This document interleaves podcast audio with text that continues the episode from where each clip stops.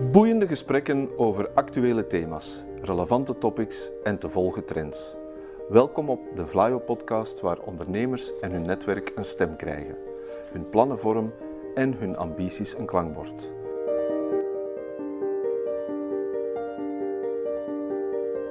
To the point waar het kan, dieper gravend waar het moet. Inspirerend, informerend, ondersteunend. Van artificial intelligence, blockchain en circulaire economie tot digitale zorg. Wij knopen het in jouw oren.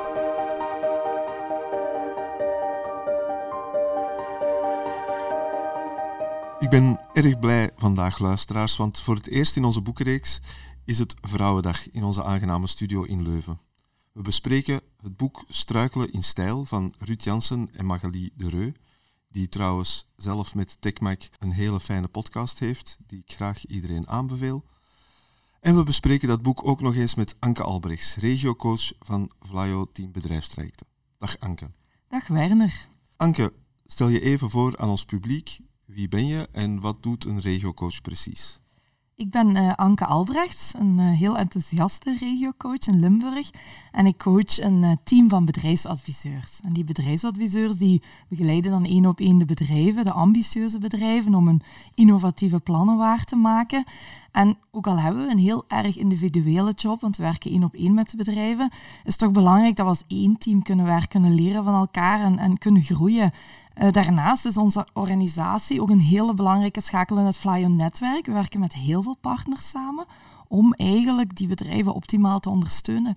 En uh, het is ook mijn rol om te zorgen dat we met de lokale partners, ook Vlaamse partners, goed samenwerken, efficiënt samenwerken, iedereen in zijn sterk te laten om ten dienste van de bedrijven de juiste dingen te doen.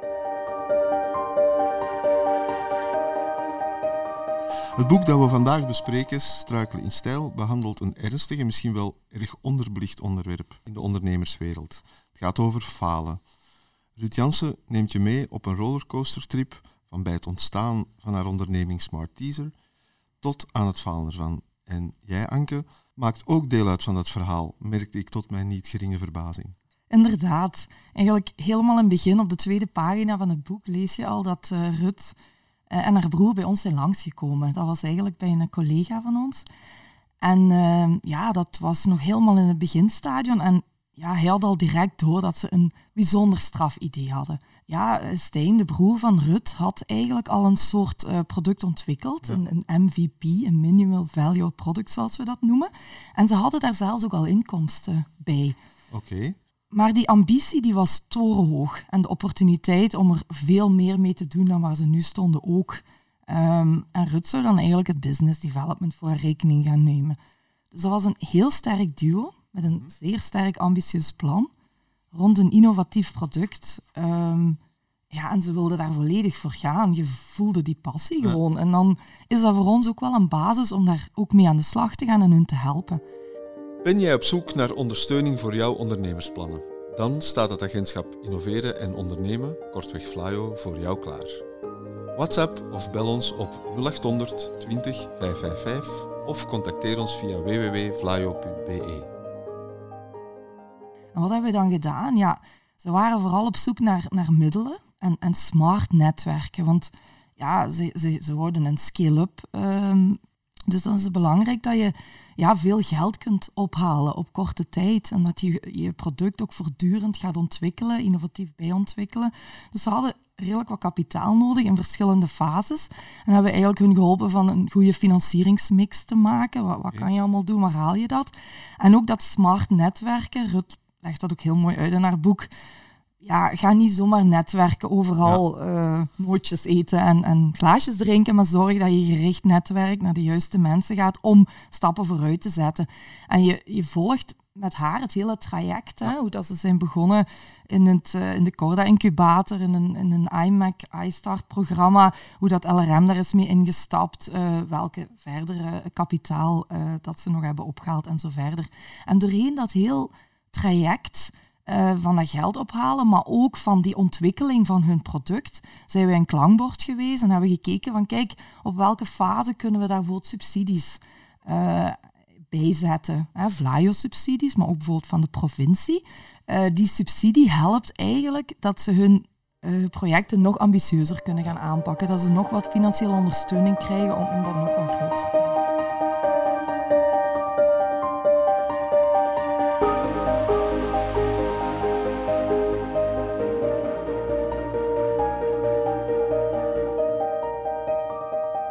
Want ze maakt ook een, heel duidelijk onderscheid tussen een ondernemer, een starter en een start-up scale-up. Kan je daar nog iets meer over vertellen? Want dat is ook het verschil waar jij als bedrijfsadviseur mee in aanraking komt. Ja, een, uh, ja, een starter is iemand die, die begint met een idee. Die zal eerder gaan voor een soort uh, ja, organische groei. Hè? We, we, zien wel, we, we, kijken waar rond, we hebben een product, we verkopen dat, maar misschien komt een klant iets anders vragen en dan gaan we daar ook in mee. En, en ja, we zien wel wat het wordt. Het is, is eigenlijk een iets relaxtere manier dan een pure scale-up. Ze verwoordt dat ook heel mooi, waar dat je eigenlijk een technologie gaat bouwen die je vooral heel hard wil gaan schalen. Dus je moet heel hard uh, ja, je focus gaan houden, gaan kiezen voor wat je gaat.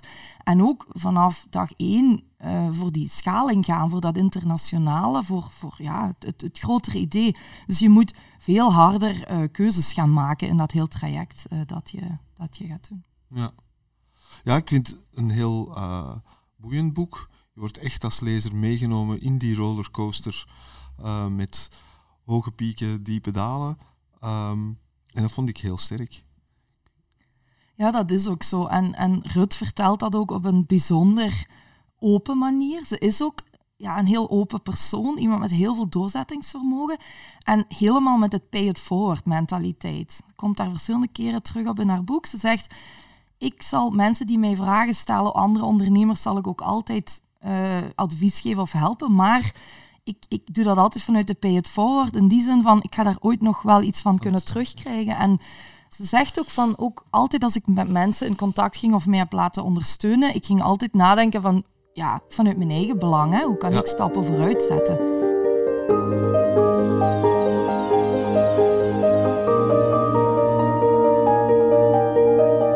Is ook een heel persoonlijk verhaal. Ze is een jonge mama, uh, net voor, uh, ja, of, of tijdens bijna bij het faillissement is ook voor de tweede keer mama geworden. Daar neemt ze je ook in mee, hè? Het verhaal met haar tweelingsbroer, waar dat ze dit bedrijf mee heeft opgestart, die er dan ook wel uitstapt op een bepaald moment. Uh, waarom dat dat is, hoe dat haar familiebanden heeft beïnvloed.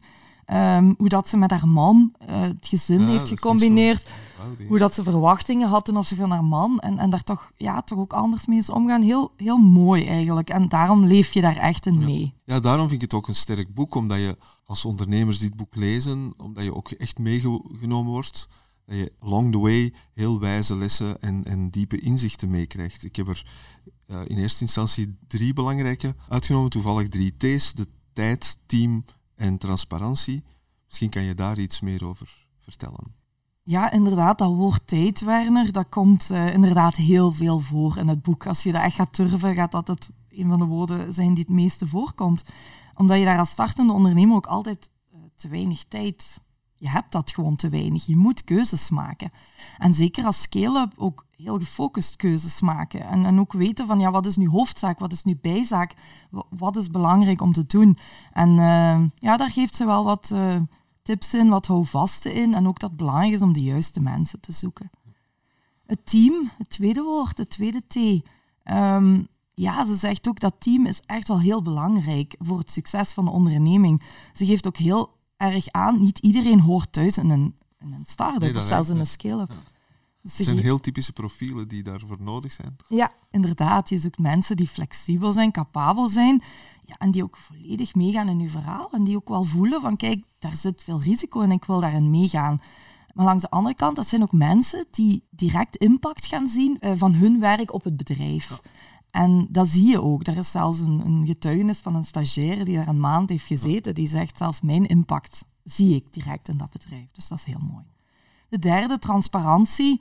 Dat is zeker voor Rut een van haar stokpaardjes. Naar twee richtingen toe. Transparantie, ja, eigenlijk naar drie richtingen. Transparantie naar haar eigen werknemers. Ze zegt constant wist iedereen bij ons in bedrijf hoe het ervoor stond. Als we op zoek waren naar kapitaal, als we deals binnenhaalden, ze wisten meteen waar we voor stonden. Anderzijds ook naar haar investeerders heeft ze altijd heel open geweest ja, hoe het stond met dat bedrijf, wanneer ze nieuw geld nodig had uh, en zo verder. Maar ook naar haar, uh, ja, naar haar klanten.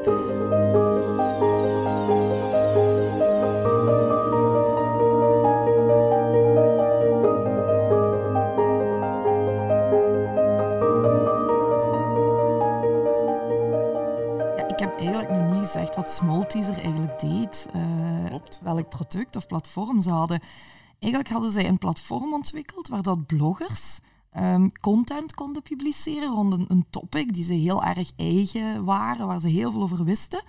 En ja, aan de hand van de populariteit, dus van mensen die dat gingen lezen, die in een bepaalde community zaten, kregen zij ook geld uh, van ah, die Small Teaser binnenhaalden van de adverteerders.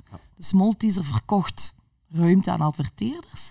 Maar zij deelden eigenlijk die inkomsten ook met de bloggers. Voor wie ze eigenlijk een platform hadden gemaakt dat zij hun contact, content konden uh, tentoonspreiden. Ja.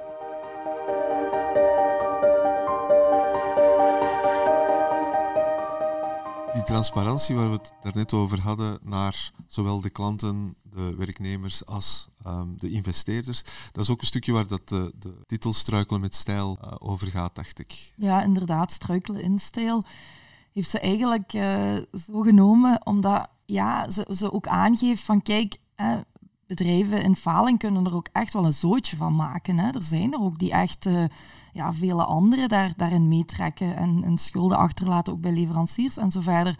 Maar zij heeft dat altijd op een ze zegt, ik wou dat op een mooie manier doen. En, en ik heb eigenlijk op de juiste moment ook gezegd van ja, nu hebben we geen geld meer om bijvoorbeeld uh, leveranciers uh, te betalen. Uh, of ja, nu hebben we ook extra geld nodig op, op de juiste moment. Waardoor ze dat eigenlijk in stijl gedaan heeft. Zij, de onderneming is een faling gegaan, maar iedereen daar rond heeft heel hard begrepen ja, waarom dat, dat is gebeurd. In stijl heeft eigenlijk twee betekenissen. Enerzijds dat ze dat op een hele mooie manier, op propere manier heeft gedaan, maar anderzijds ook als ze heel hard zegt van kijk, ik doe dat in stijl, ik struikel, maar ik sta terug recht. Ik sta recht, ik heb geleerd en ik wil vooruit gaan. En ik, ik neem al die lessen mee naar de toekomst wat ik nog ga doen.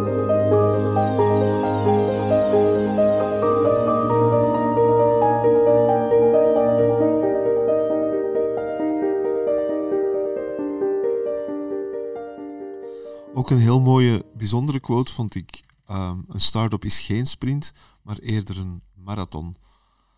Ja, dat, dat, dat heeft ook weer met die tijd te maken, hè, waar we al over gesproken hadden. En ja, om een marathon te finishen, kan je ook niet iedere dag uh, constant aan het lopen zijn. Je moet dat opbouwen. Je moet, soms loop je veel, soms loop je sneller, trager. Uh, je, ja, je, je moet op je voeding letten. Alles daar rond is belangrijk. En dat zegt zij ook, van ja, al die aspecten zijn belangrijk. Ook de familie daar rond is belangrijk, maar ook ja, rustpauzes inlassen. En uh, goed te weten van, kijk, nu ga ik ervoor. Ze zegt ook heel duidelijk van, ja, we werken naar deadlines aan, maar daarna uh, vieren we ook als we ene gehaald hebben. En, en, en zetten we even de druk eraf. Zij geeft ook aan van ja, ja je, je, moet dat ook plannen. Ook uw heel gezin, als er iemand jarig was, als er vakantie ging, alles was gepland. Ja. En, en daar probeerde ze zich ook aan te houden uh, om dat te doen. Enerzijds heb je relativeringsvermogen nodig. Ik heb het al gezegd, je moet focussen, je moet veel beslissingen nemen. Dus relativering is belangrijk. Je moet snel een beslissing nemen en ook niet moeten blijven piekeren over wat je niet gedaan. Zij doet dat ook. Dat is niet voldoende. Je moet ook loskoppelen. Ja. Loskoppelen betekent eigenlijk ook... De pauzeknop vinden ja. en die ja. kunnen indrukken.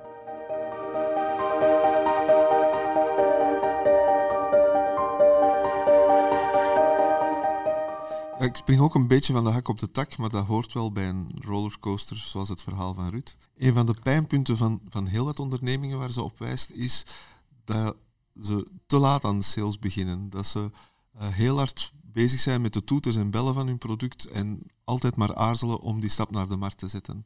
Ja. Ik neem aan dat je dat ook bij andere klanten ziet gebeuren. Dat is ook zo. Dat zien we echt heel veel. We zien veel mensen die in een zogenaamde garage een, een product ontwikkelen en, en denken dat de hele wereld daarop zit te wachten. Maar eigenlijk vertrekken die niet van, ja, wat is de noodzaak? Waar heeft die klant behoefte aan? En het is eigenlijk eerst ja, belangrijk om te zoeken naar waar zit die, die behoefte, die, die noten die wij gaan invullen. Om ook ja, uw klanten daarin te gaan bevragen, om een goede validatie te doen, om een goede product market fit te gaan vinden. En zelfs te pivoteren als dat uh, nodig is. Dus als ondernemer moet je eigenlijk heel dicht bij je klanten staan of je potentiële klanten. En dat is uh, eigenlijk ook een van de waardevolle lessen die ze op het einde ook meegeeft, dat ze dat nog sterker zou gaan doen in de toekomst.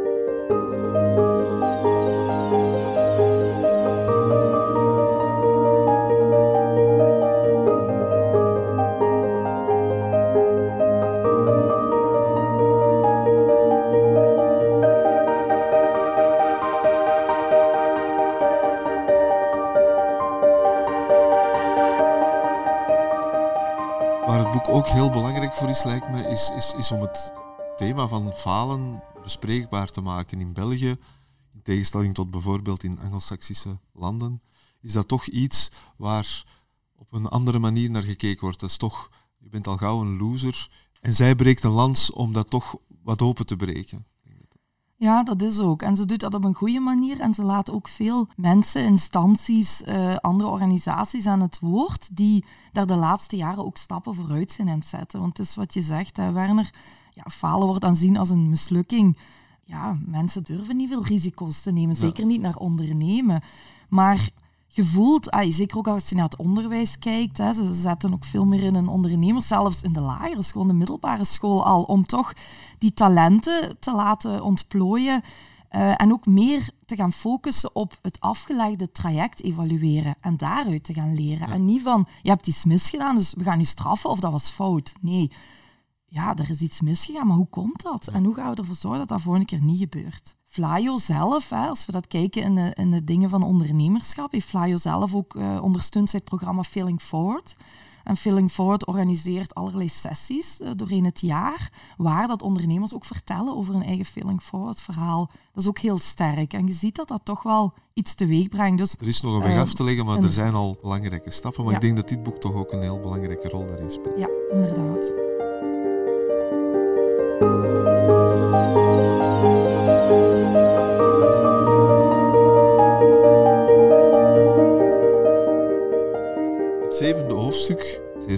Titel een emotioneel proces van bloed, zweet en moed. Vond ik het aangrijpendst. Ruud vergelijkt het stoppen van de onderneming met een rouwproces. Verschillende gevoelens komen daar. Hè. Je, ja, je hebt verdriet, je bent kwaad, je hebt angst voor, voor wat er nog gaat komen, maar ook schuldgevoelens. Dat zijn, die die passeren eigenlijk allemaal de revue. En, en Rut geeft daar eigenlijk ook een paar krachtpijlers, wat handvaten hoe je daarmee moet omgaan, die eigenlijk in ieder rouwproces wel van toepassing zijn. Rut zegt zelf, ja, ik heb niet veel externe hulp nodig gehad, maar ga die wel zoeken als je die hebt. Ze, ze geeft wel heel hard aan van, kijk, ik heb in het begin ook gedacht, ik heb gefaald als ondernemer. Dat heel persoonlijk getrokken. Uh, en het heeft even geduurd voordat ze dat eigenlijk getrokken heeft van nee, mijn onderneming is gefaald. Um, ik niet als ondernemer, ik, ik ben er juist sterker uit geworden. Ik heb dingen geleerd en, en ja, de volgende keer ga ik dat, ga ik dat uh, weer anders aanpakken. Hè. Dus het is zeker geen einde, het is net de start van een nieuw nee, avontuur voor haar. Volgt het, het, het, laatste hoofdstuk, wat eigenlijk toch een beetje een happy end is. Mm -hmm. Want de schrijfster en de onderneemster heeft heel veel geleerd en ze pikt de draad weer op om een nieuwe onderneming uit te bouwen dat is uh, best de moeite. Ja, dat, dat is ook heel straf, hè? maar dat, dat, is ook, dat typeert Rut ook. Dat is iemand die uh, ervoor blijft gaan. En het pay it forward komt daar weer helemaal terug. Van ja, ik geef u tien tips die eigenlijk ze zelf zou gaan toepassen voor de volgende keer dat zij in een, in een ondernemersavontuur uh, gaat stappen. Daar staan er tien, we gaan die niet allemaal overlopen. De belangrijkste die ik daaruit haal, hebben we misschien al, ook al een stukje kort aangehaald. Ja, huiswerk is een must. Hè. Vertrek niet te veel van veronderstellingen. Ga, ga eerst eens naar buiten kijken wat een klant nodig heeft.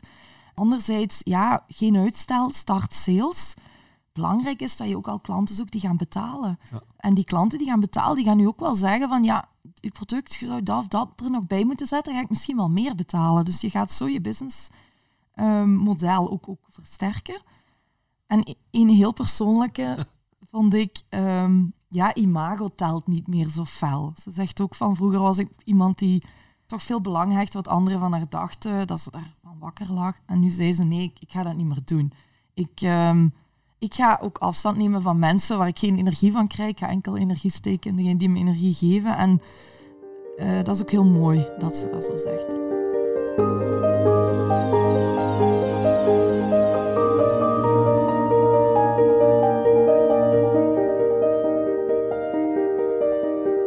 Anke, aan wie zou jij dit boek aanraden? Welke ondernemer heeft baat bij de lectuur van Struikelen in Stijl?